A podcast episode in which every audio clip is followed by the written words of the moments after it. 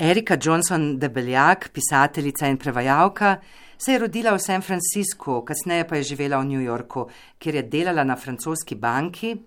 Leta 1991 je spoznala Aleša Debeljaka, slovenskega pesnika, ki je takrat v New Yorku ravno zaključeval svoj doktorat in tri mesece po njunem srečanju, iz katerega je nastala tudi velika ljubezen, se je Alešu izteklo bivanje v Ameriki.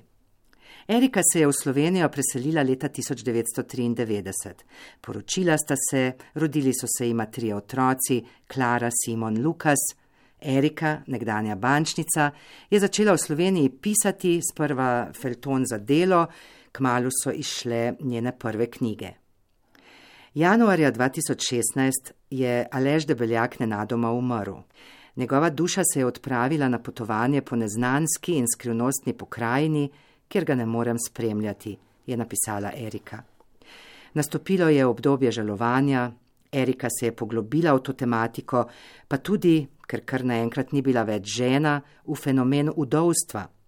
Pisanje je bilo najprej terapevtsko, a iz tega je nastala njena knjiga Devica, kraljica, vdova, prasica, ki je išla letos. Erika Johnson Debeljak, lepo pozdravljeni v studiu Vala 202. Dobr dan. Kako bi vi odgovorili na vprašanje, kdo ste, Erika? Sveda ljudi vedno vprašajo, sem bolj slovenka ali pa bolj američanka, ki je malo smešno vprašanje, ker seveda sem oba. Ampak je res, da po Aleševi smrt, meseci leta sem se zbudila in sem se počutila, da nisem vedela, kam pripadam. In zdaj moram reči, da sem boljša, pa se počutim doma tukaj se počutim, ko se zbudim, se počutim, da pripadam sem in da to je moje življenje.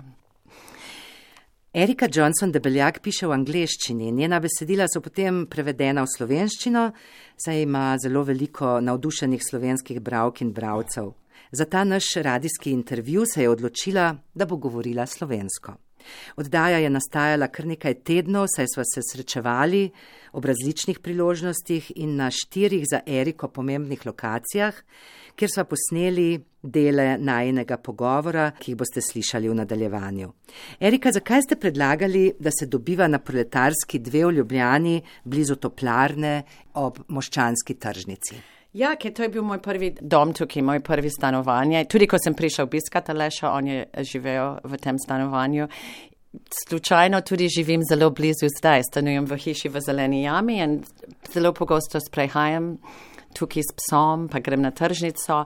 Drugič sva se skupaj odpeljali na literarni večer v Kransko knjižnico, tretjič sva se dobili v Slovenskem etnografskem muzeju, kjer je razstava, saj grem samo mimo, razstava razglednic vašega moža Aleša Debeljaka, pesnika, esejista, profesorja, vsestranskega misleca, s katerim ste bili poročeni 23 let in veliko razglednic ste dobili vsega skupaj 25 letih, če prištejemo še čas dvorjenja. Ta razstava zame, pa knjige smo imeli ponetis letos. Zame to je najbolj ganljiva stvar, ki sem po Aleševi smrti, da sem to za njega naredila. Četrtič sva snemali v atriju znanstveno-raziskovalnega centra SAZU v Ljubljani. Zakaj ste izbrali to lokacijo? Ker tukaj sem, imam zdaj pa pisarno, nimam službo, delam tukaj in sem doktoralna študentka tukaj in to gledam kot res um, moj prostor v Ljubljani in sem se, se počutim zelo dobrodošli tukaj, pa sem hotela vam pokazati. In petič sva zdaj skupaj v studiu Vala 202, da pogovorom dodava še tale uvod, pa na koncu zaključek. In seveda čestitke za naj knjigo leta 2021. Sedem predlogov so izbrali založniki in knjigotržci, zmagovalko pa obiskovalci slovenskega knjižnega sejma. Vaša knjiga je dobila največ glasov, Devica, kraljica, vdova, prasica je dobila veliko veliko nagrado 37. slovenskega knjižnega sejma. Čestitke. Hvala. Vem, da vam priznanje veliko pomeni, da bomo bolje razumeli, zakaj, pa kar prisluhnimo prvemu delu pogovora, ki je nastal pred stolpnico na proletarski dve v Ljubljani. Jaz sem prišla na prvi obisk 93. marca. Pa lež ni končal doktorat in že še pisal gor v Gosavnier, je imel pisalno desko pred oknom. Dosti krat sem morala hoditi uh, ven sam, sama, ker on je moral pisati, pisati, pisati. Sem se bala, da bom se izgubila v tistem majhnem mestu in sem prišla domov s taksijem in sem bila mal žučna, da ne bom našla pot. In vedno, ko smo šli mimo tale cerkev na začetek založka, ima mozaik gor, tisti zlata mozaik. In sem vedno to videla in sem rekla, znak. Tomas. ko sem prvič prišla, A v glavnem ljudi niso to govorili angliško. Zdaj bi bilo težko se učiti slovenčne, ker, pre, ker vsi govorijo angliško. In takrat so mislili, da, ali, da sem ali Nemka ali pa Rusinja ali pa tako kot tujka. Niso pričakovali američanke in so bili očarani od američanke. Zdaj pa tudi to je sprememba, da ni, američani niso več. Um. ja, takrat ste veliko razmišljali o jeziku, ja. pa tudi o tujcih. Ne? Ne, ko ste videli, kako odnos imamo do tujcev, eh, da imamo očitno razdeljene tujce na dobre tujce in slabe Aha, tujce. Ja, ja, ja. ja, to je bil med vojno. To je bil težek čas za Slovenijo, ker le, kaj je država? Mora se odločiti, kdo so mi, kdo so uh, tujci. In, in so imeli čudne zakone. Naprimer, ko, ko sva šla se poročiti, sem morala dobiti dokument, da moja vlada ameriška nima nič proti temu, da bi se poročila uh, slovence. Kje bom dobila ta dokument? Pa tako, ti izkušenj sem opisala v prepovedani kruhu, da sem šla. Takrat je uh, urad za tujce bila na tržnici.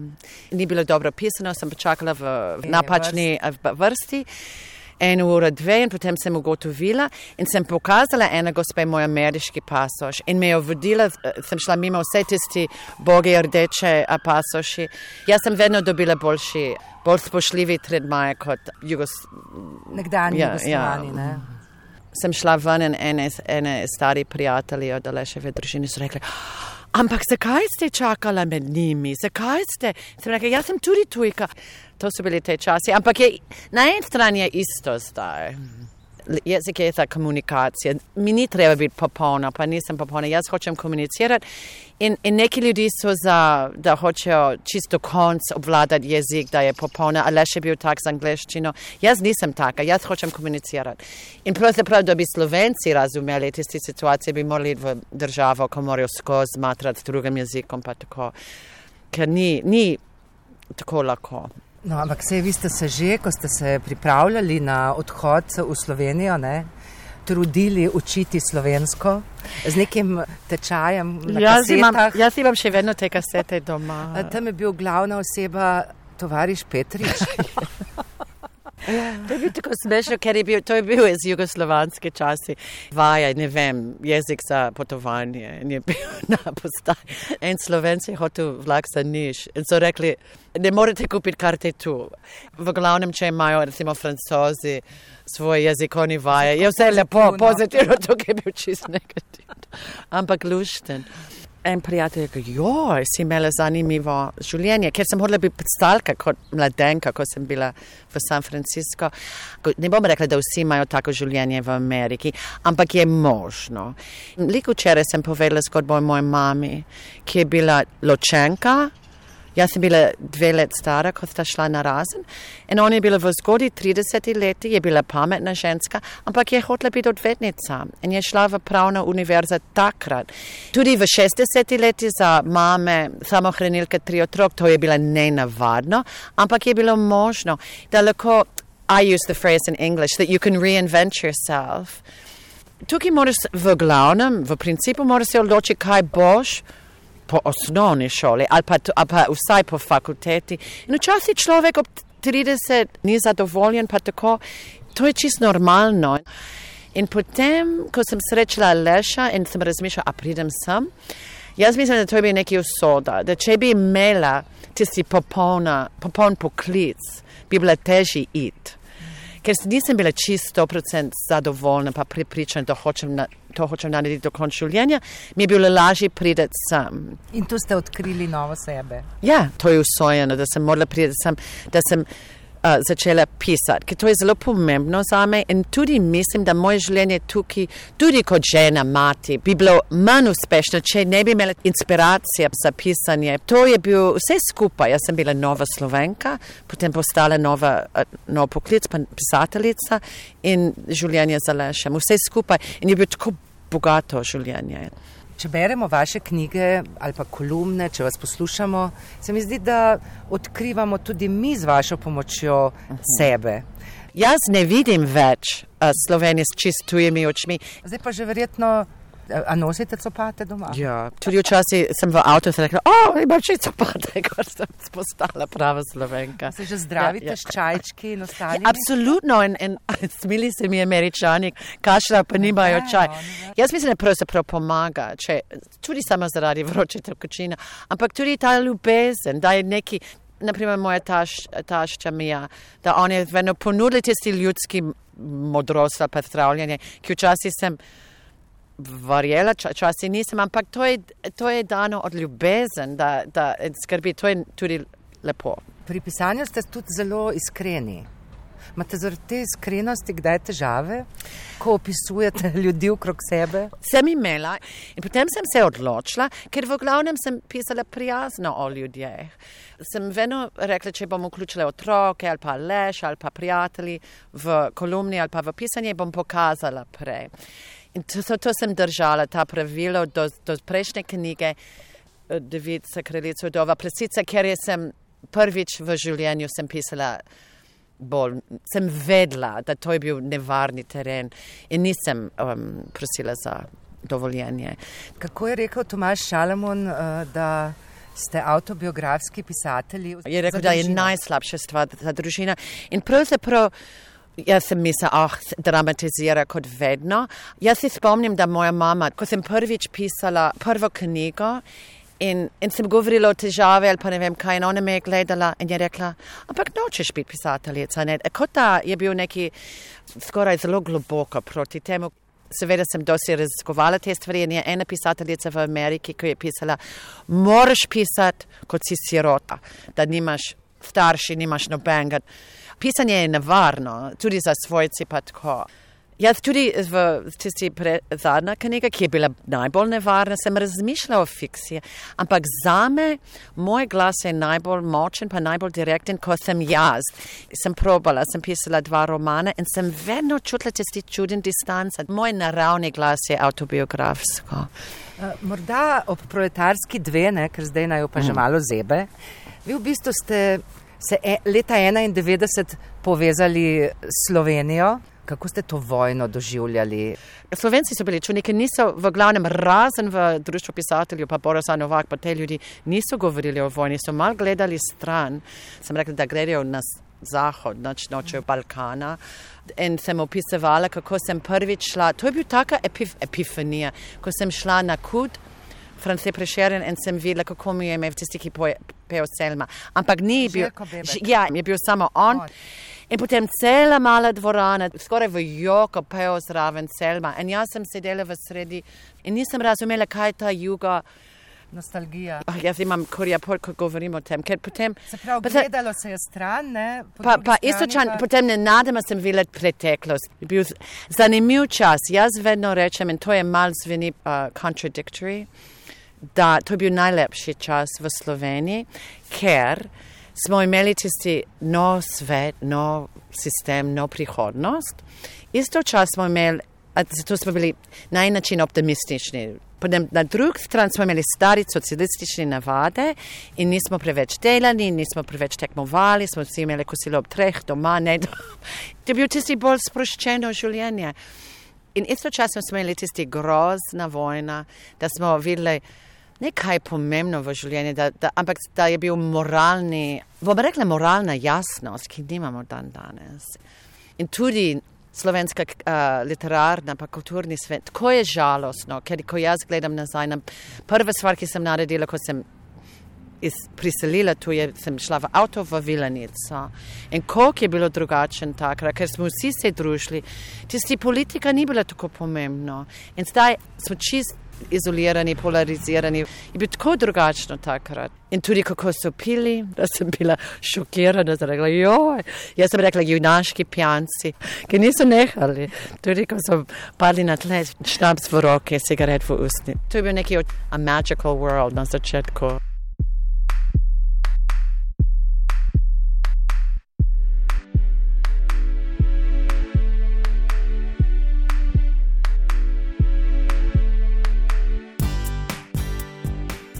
Moja knjiga je šla med COVID-om, zato prvi pol leta sem imela ful bralci, pa bralke pa nisem jih videla.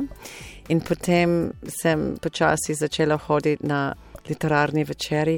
In mi je bilo tako lepo videti moje bralke v glavnem, tudi so moški, ampak v glavnem so včasih bili tako emocionalni in sem prav, to je malo drugače kot prek Facebooka ali pa prek pismo. Najprej sem imela, ne vem koliko knjig sem imela, neki tri knjig, predtem, ko sem imela prvo knjigo v angleščini. Vedno pišem v angleščino, ampak v glavnem imam slovenski bralci pa bralke.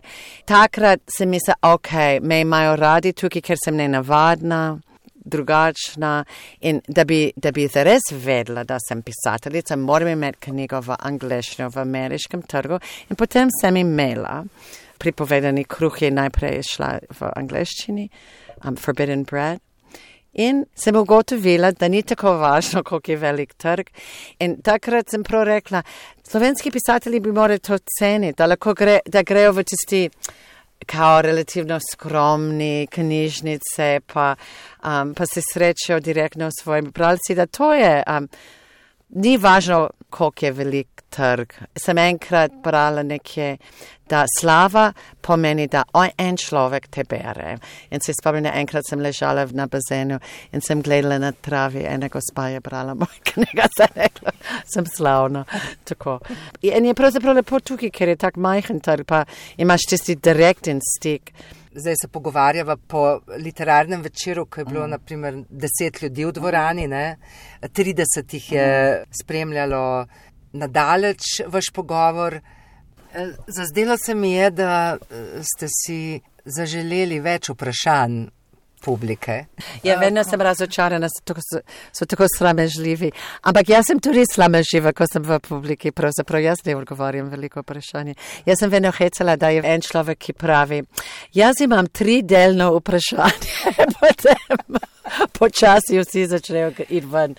Bi bilo lepo, ampak to je tako redko, da, da imaš pravi pogovor. Časi je bilo to, ampak zdaj pa v zadnjem času so še bolj sramežljivi, bi rekla. Tudi veliko pisem dobivate, ne?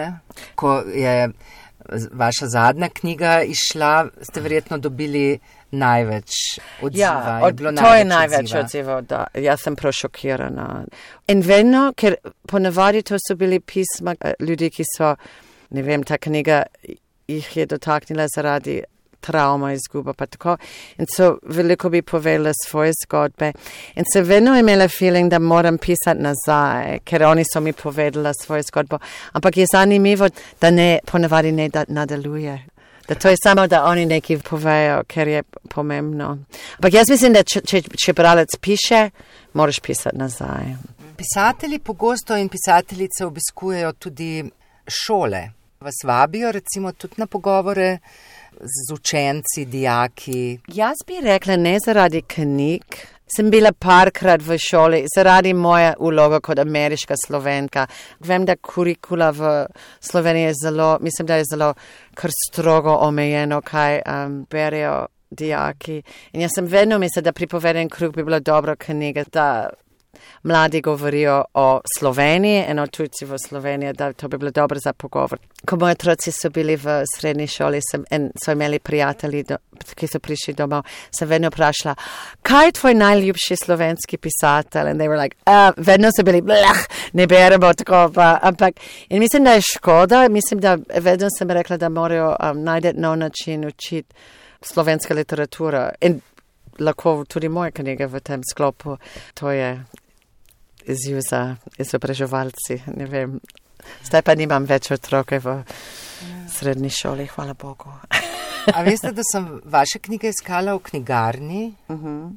na tistih policah, ki so bile naslovljene slovenski avtori. O, lepo. Pa vas tam ni. A, zakaj vas ni med slovenskimi avtori? To je, to je zdaj to je problem v Sloveniji, da si legalno slovenski pisatelj morate ali pisati v slovenščini ali a, imeti stalno bivališče v Sloveniji. Zato je bila ena mala skupina, jaz, pa Lidija Dimkovska, pa takrat Stanislava Repar, ki smo postale članice Društva pisateljev. Takrat to je sprožila polemiko, so bili ljudi, ki so bili močno proti. Da literatura mora, mora biti vezana samo na jezik, pa tako ni važno, da živim tukaj ali pa da moja knjiga je neki del literarnega tkiva v Sloveniji. In zdaj situacija je mal grdo, bom rekla. Jaz sem morala se boriti za knjižno nadomestilo. Sem dobila štipendijo, ampak sem morala dobiti odvetnico, da mi pomaga. To, da sem kao slovenska pisateljica pa članica društva, je bil čast, ampak še vedno ne, uh, nismo na istem. Nimate istih pravic. Pravice, ne moremo nagrade, moramo si deliti. Naprimer, jaz dobim v Sazor jaz dobim 30% in prevajalec dobi 70%. Take stvari. In so posod, vsakič, ko se obrnem, je isti situacija. Ale še enkrat. On je rekel, ti greš v knjižnico v Novo Gorico, jim je briga tvoj bralci, v katerem jeziku si pisala. Oni berejo tebe, oni hočejo slišati tebe, oni te imajo radi. Hibridnost, uh -huh. toliko kultur se prepleta. To je naša stvarnost. Neki ljudje hočejo zaščititi svoj teren ali pa tudi svoj tokovi denarja. Ta čistota je neki tolažba za ljudi, ideja, da je ta čistota. To je vedno bil problem, ampak še, še pa še je problem, vprašanje kategorije. Sem slovenska državljanka, sem slovenska pisateljica ampak sem hibridna.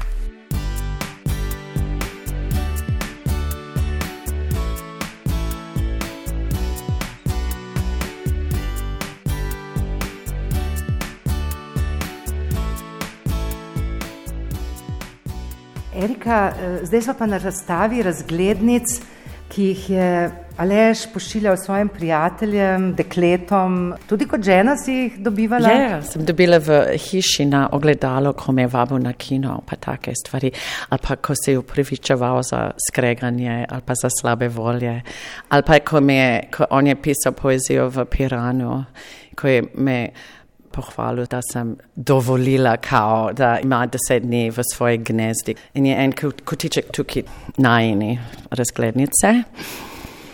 Ja, to je bil kar projekt. Ne? Najprej je šla knjiga. Ta knjiga je šla 2018 in je bil moj prvi, bom rekla, ustvarjalni projekt po Aleševi smrti. In mi je bilo lepo, da sem, da sem imela priložnost pomaž Alešu ustvarjati. In to je bil projekt ki sem naredila z mladinsko knjigo, oblikovalka, ki je tudi oblikovalka razstave, je Tanja Radež. In je prav krasna knjiga in je bila razprodan čez pol leta, ampak ponetist je šele zdaj pri um, razstavi. To so razglednice, ki pisajo Matjažu Pikalutu. In, in Matjaž je strano kronološko v tri veliki albumu in je prinesel kmalo po Leševi smrt na dom, pa nam je pokazal in nekdo je rekel, to je knjiga. In to je bil začetek ideja. Matjaž je ful lepo shranil. Jaz sem bolj šlampasta, jaz sem kar vrgla tu in tam, ampak Leš ni bil šlampast. In on je tudi moje korespondenca um, arhiviral pa shranil. Ker na razstavi so njegove razglednice in so tudi odgovori mm -hmm. na nje. V tistem delu so prijatelji Igor Štiks, mm -hmm. Nela Malečkar, Meta Česnik, Aleš Berger, Ludvik Hartinger. Ampak kar je zanimivo, naprimer, ko Igor je prišel na razstavo, tukaj so njegovi razglednice, ki on je poslal Alešu, ko mi imamo, zdaj vnuk ima v arhivi. In je tako zanimivo, on je skoraj jokal, ker seveda pišeš to, pošilješ in pozabiš. In to je 15 let nazaj, pa tako in nenadoma to vidi v razstavi v muzeju. Zato to je tudi lepo. Um, te stvari, ki ne vem, da, kot, da so zgubljeni, ampak konc konca niso. En mladenič je rekel, da najlepša stvar tukaj je, da um, pokaže, koliko je lež negoval prijateljstva. A on je pisal vse razne stvari. Sem pokazal tisti dolgo, um, dolgo razglednice, ki je pisal um, moj cišo štarki. In tam je zanimivo, banalne podatke, naprimer hvala za copatek. Tudi neki liricizem, pa ljubezen. Pa tu, in ona je razložila, da, da so včasih so bili samo misli, včasih bil podatke, kot, v, kot bi danes pisala na SMS ali pa na Facebooku. V tistem kotičku je družina. To je pravzaprav zelo lepo piše, piše njegovi mami, da je našel izvod revija iz njegovega rojstnega leta, iz 61. Zato tukaj so družinski in tukaj so najni. Sta dva od, od mene, ki sem bila v New Yorku, no on je bil v, Aleš je bil v Sloveniji in sem pisala in sem vedno poljubila um, razglednice in sem rekla, Bine, ki je bil soavtor, ne vem, če bi to vključevala, ampak sem mu dala svobodo, da vključujem. Ja. Ampak je ni smešno, da ta uh, šminka je tako kvalitetna, da 30 let je. Um... Vi boste potem povedali, katero ste imeli. Zelo je povedna vsebina razglednice, ki jo je Aleš poslal sinu Simonu, na kateri je napisal, da izgovorjene besede mm. se izgubijo, napisane pa ostanejo. Ja, in jaz bi rekla, da to je bila Aleševa etika, um, je vse pisal. Je vedno imel papir zraven postelje, včasih misli pridejo po noč, pa se ne spomniš jih naslednji zjutraj. Ja. To je um, slika od um, Irvena. Andrej Savski, ki je dal Alešu na 50. rojstni dan. 25. 12. Uh -huh. 10 let nazaj. In pravzaprav Savski pa Irvin, to je razlog, da Aleša in jaz sva se spoznala v New Yorku. Oni so imeli razstave v New Yorku, to je bil 91 in sem uh, šla. Sem srečala njih prej, potem smo malce družili cel teden v New Yorku in potem Andrej me je vabil na um, poslovilni parti in sem šla in tam sem srečala Aleša. Sva celo noč na žuru sva klepetala in potem sva, um, sem mu dala moj telefonsko številko, ampak ni klical tri tedne. Pa tako, ampak potem, ko je klical, je bil kot strela. On je bil v Ameriki pet let. Zadnji ja. tri, štiri mesece sva se srečala. Je bilo zelo intenzivno. Ja. Tudi zasnubil vas je pravite, da ne čisto za res, yeah. ampak vendarle. Tukaj je tudi, ta razglednica. Ja, ja. Um, baby, let's get married. We've been along, alone too long. Let's be alone together. Let's see if we're that strong. In to je citat od uh, Leonarda Cohena, um, ta album, to je bil kao naš soundtrack na Ampak, začetku. Na ta način je bila prvič omenjena poroka, ne? Ja, seveda sem bila čist, čist, ja. čist uznemirjena, ampak kako lahko zamaš resno taka. ampak tudi to je bilo ja. napisano na, na razglednici. Ja, ja, ja, to je. 6. junija 93. Mm -hmm.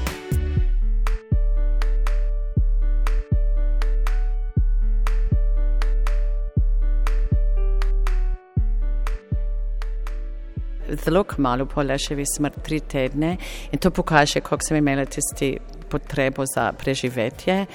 Sem vprašala Otota Lutarja, ki je bil moj prijatelj, pa tudi Lešjo, če lahko mi pomaga, da mi da prostor za delati, da lahko grem iz doma. In on tako je razumel situacijo, da rabim družbeno tekivo. In to je bil že 2016. Zdaj pa sem tudi doktoralna študentka tukaj. Da protest, ko sem hotela, sem našla tu pri Zrcu. Eh, sediva v atriju Zrca uh mhm. -huh. Sazu, uh mhm. -huh. čudovit prostor, tudi zato morda najne besede bolj odmevajo. Zdaj, če greva skozi uh, vašo poslovno kariero, uh mhm. -huh ples ni bil posel. Ne, ne jaz sem to kot mladenka, sem bila strastna plesalka, pa sem hotela biti plesalka. Da bi bila profesionalka, sem dve leti pred koncem izstopila iz srednje šole, potem sem naredila izpit ekvivalenca srednje šole in sem šla direktno na fakulteto. Ko pogledamo, kaj vse ste študirali, ne? francoščino. Ja, francoščino najprej. Eno leto sem šla na fakulteto v San Francisco, potem sem šla v New York na Columbia University in sem tam študirala francosko literaturo in sem izbrala francoščino, ker sem hodila v Pariz in sem študirala tudi v Pariz. Potem, sem, ko sem končala, sem mislila, moram delati in sem imela tisti malo brezvezne službe, kot um, mi smo rekli, administrative assistant, ampak sem bila navadna tajnica. ker sem rabila poklic, um, sem šla na business school, ekonomsko in sem končala v francosko banko. In tam sem kar visoke finance sem furala in sem bila sposobna, ampak vedno rečem, da mislim, da to je bil neki usoda, ker mi je bilo lažje iti v Slovenijo. Nisem hotela delati v financi celo življenje, da sem bila pripravljena itak za ena velika sprememba in sem prišla sem. Čeprav sem mislila, da takrat bom imela finančno službo tukaj, ampak ni šlo. In potem sem začela študirati jezik tukaj, pa sem začela prevesti, pa pisati in tako dalje. In, in potem, ko sem hotela mm, študirati pisanje, pa tako sem šla na tisti ustvarjalne pisanje. In ja. zdaj pišem doktorat v literarnem modu, modulu o autobiografske pisanje. Jaz sem najprej Fulton za, um, za ja. delo in to je postal um, knjiga v obzorju tukaj v hiši domačino. In potem naslednja knjiga je bila pravzaprav o Kosovelu, ampak je bil ozadje tudi dosti autobiografsko. Tudi raziskujem tele, tele mal drugačne hibridne oblike. In lahko rečeš, da moja prejšnja knjiga, uh, Devica kraljica Udova, presica je tudi hibridna. Dosti ljudi pravi, da to ima antropološko pa esejistično um, elemento. Ja. Ja ta knjiga, čeprav je izhajala iz najhujše tragedije, je bila združenje elementov. Tragedija ima svoj literarni moč. Potem jaz kot autobiografska pisateljica, ki se počutim najbolj naravno v tem glasu in tudi, da, da pišem odprto, pa se ne bojim pisati tisti najbolj občutljive stvari. In zadnja stvar, da sem našla tisti obliko ali pa form, da sem vključevala te druge zgodovinske dova. Ta projekt je bil poseben in zato mislim, da je kao vrhunec in ne vem, kaj bo v prihodnost. In jaz mislim, da je boljše pisati en mojstrovino kot sto, um, ker si forsirana nekako. Tudi sem rekla, če ne bom več pisala, ok, ampak. Kako pišete? Potrebujete mir? Ponavadi kombiniram, jaz um, prevajam, pišem, kuham kosilo. Jaz dosti pišem v glavi, dosti razmišljam, ko hodim. Kako vam gre doktorat? Ja, pišem seminarje, pa, pa fulberam in, in ne vem, to je mal smešno, ker sem mal starejša kot poprečna doktoralna študentka. Ko sem prišla na informativni dan, sem rekla, ne samo, da sem 20 let starejša kot um, študenti, ampak sem 20 let starejša kot profesori. sem v tretjem letniku in sem vse naredila, kar bi morala. Zadnja knjiga, v kateri ste raziskovali udove, nakazuje, da želite odpirati te teme. Recimo tudi žensko seksualnost. Pa tudi starejše ženske in seksualnost, ki je bil potem bolj kao živo vprašanje pri meni enkrat, ko nisem imela moža. Če bi bila še vedno poročena, najbrž ne bi nikoli razmišljala o te stvari. Um, v uh, knjiga Devica, kraljica, udova, presica, jaz sem zelo izrazito hodila, da to je knjiga iz perspektive žensk. Da ženska, živa ženska, ženska, ki je preživela, ona je v, v sredini starejše ženske, če bereš o tem, če raziskuješ tem, najbolj pogost pridevnik je um, nevidna. Da starejše ženske so nevidne. Je, in tudi včasih one to sprejemajo. Ne vem, če nevidnost v družbi je najboljša stvar. Moje zanimanje je šlo v ta smer. Kakšni so bili odmevi na te dele v vaši uh mhm. -huh. zadnji knjigi? Kako se reče po slovensko? I broke the silence. A rečeš, kaj? Prekinili mok. Mok. Ampak mok še vedno je ta mok. Je, ful me govorijo o druge stvari, ampak ne o tem. In jaz sem dobila toliko odziva, koliko je fajn, da jaz sem prekinila ta mok. Koliko so ljudi, ženske ponavadi reagirale na tem. Zato je njihov interes tudi v igri, da uporabljamo pisanje pa literature, da, um, da odpremo pomembne teme, pa tako, da moramo biti glasni, pa povedati, kaj je pomembno. 13. marca 1993 ste prvič stopili na slovenska tla. Uh, oh ja, je res. Ja. Jaz ne, nisem spomnila 13. Ja, marca. Zgodovinski datum. Kmalo ste povedali, da najbrž, eh, če ne bi prišli sem, uh -huh. ne bi nikoli pisali. Pa ni, nikoli ne veš, kaj bi bilo v življenju. In enkrat, ko sem začela, sem vedela, da to je to. In seveda sem imela veliko ljubezen, pa otroke, pa tako, ampak isto pomembno je bilo, da sem imela nov poklic, pa nova strast, ker to je tudi pomembno. Bom zdaj navedla nekaj stavkov iz uh, vaše knjige Devica, kraljica. Uh -huh. Udova prasica, vedno moramo malo pomisliti. Ampak vidim, da tudi vi vedno ja, ja. Uh, pomislite, s čim se začne, s katero besedo. Napisali ste, pišem iz jeze, pišem iz maščevanja, pišem za mrhovinarje. Val mi je žal za te besede, haha, ne, hecam se, ampak to je tako zveni mal grdo, ker sem tudi pisala za ljubezen. To je prva knjiga, ki sem pisala, ker sem imela tok jeza. Pri žalovanju jeza je vedno del žalovanja. Sem imela tisti skoraj ogen, ki mora ven prideti. In tudi sem bila zelo jezna na slovensko družbo v, v tem času. Jaz sem se počutila v tisti prvi devet mesecev, predtem, ko sem imela ta prvi članek v delu, sem se počutila kot centralna igralka v tisti drami, ampak brez glasu.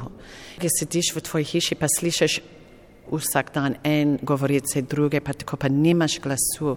In tudi ta feeling, to je bil ta jezik, tisti mrhovinari. In tudi sem, sem mislila, seveda, jaz sem to analizirala, zakaj ljudje so imeli ta reakcija, seveda smrt zase je bila dovolj čudna. Pa, nenadna, ne? Nenadna, pa tudi je težko razložiti, kaj se je zgodilo in tudi dan danes ne moremo čisto jasno. Ja. Bom uporabila vaše besede. Ne vem, kaj se je zgodilo, a verjela bom, ker verjame Erika. Erika.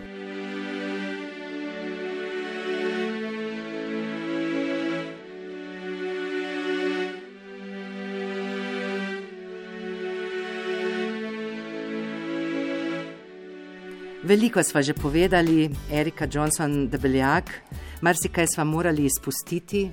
Naprimer o tem, da ste Aleševa besedila, zapise, ki še niso objavljeni, zaupali v varstvo Nuku. Vaše prevajalsko delo sva le omenili, pravite, da je delo prevajalcev premalo cenjeno, da bi za nje tudi lahko rekli, kot za starejše ženske, da so nevidni, čeprav dajo besedilom pomemben pečat, kot naprimer Andrej S. Kubic, ki je prevedel največ vaših knjig, pa tudi tenisa, bridža in še marsičesa nisva omenjali. Januarja bo šest let od Aleševe smrti, ki je tako grobo zarezala v vaša življenja. 25. decembra bi bil Aleš star 60 let. Kot američanka sem bila razvajena in smo imeli vedno veliki boži, božiči, pa veliko daril. Včasih smo mal pozabili na Aleša. in zato smo začeli praznovati Alešmes, we said Mary Alešmes. In, um, in zdaj um, v glavnem praznujemo bolj njegov rojstni dan kot božič. Letos bomo posebno praznovali, bo mladinska knjiga izdala zbirko, ampak njegovi tri prve zbirke poezije in sicer zamenjava zamenjava, ki nikoli ni bila samostojna knjiga in on je zelo to hotel. Potem imena smrti in slovar tišine. To bo zelo lepa kolekcija za njegov rojstni dan. Kako ste končali knjigo Devica, kraljica, vdova prasica, takole? Z Bogom, z Bogom, z Bogom, zazveni zadnja kort, telo mi preneha vibrirati, odprem oči, prebudim se. Kako zelo se ukvarjate z zaključki v knjigi? Jaz vedno rečem, da začetek je kot odpiranje. Pa tudi bralci so bolj odprti na začetku. Potem, ko pridemo do konca knjige, mora vse tisti vsebine moram peljati v en lep konc. In to je sigurno kot bralka si najbrž opazili, da, da pisatelji lahko imajo težave s konci. Jaz sem vedno imela srečo, tudi če nisem imela um, uh, načrtovan prej, da sem vedno našla način um, za dober konc, ampak tudi um, raj razmišljam o lepi začetki kot lepi konci. Alež Debeljak je vajnemu sinu Simonu 15. novembra 2015 na razglednico napisal. Pravijo, da se izgovorjena beseda izgubi, napisana pa ostane ampak glavni razlog je, da se pusti neka sled ljubezni in pozornosti. Hvala, Erika, ker puščate sled. Hvala.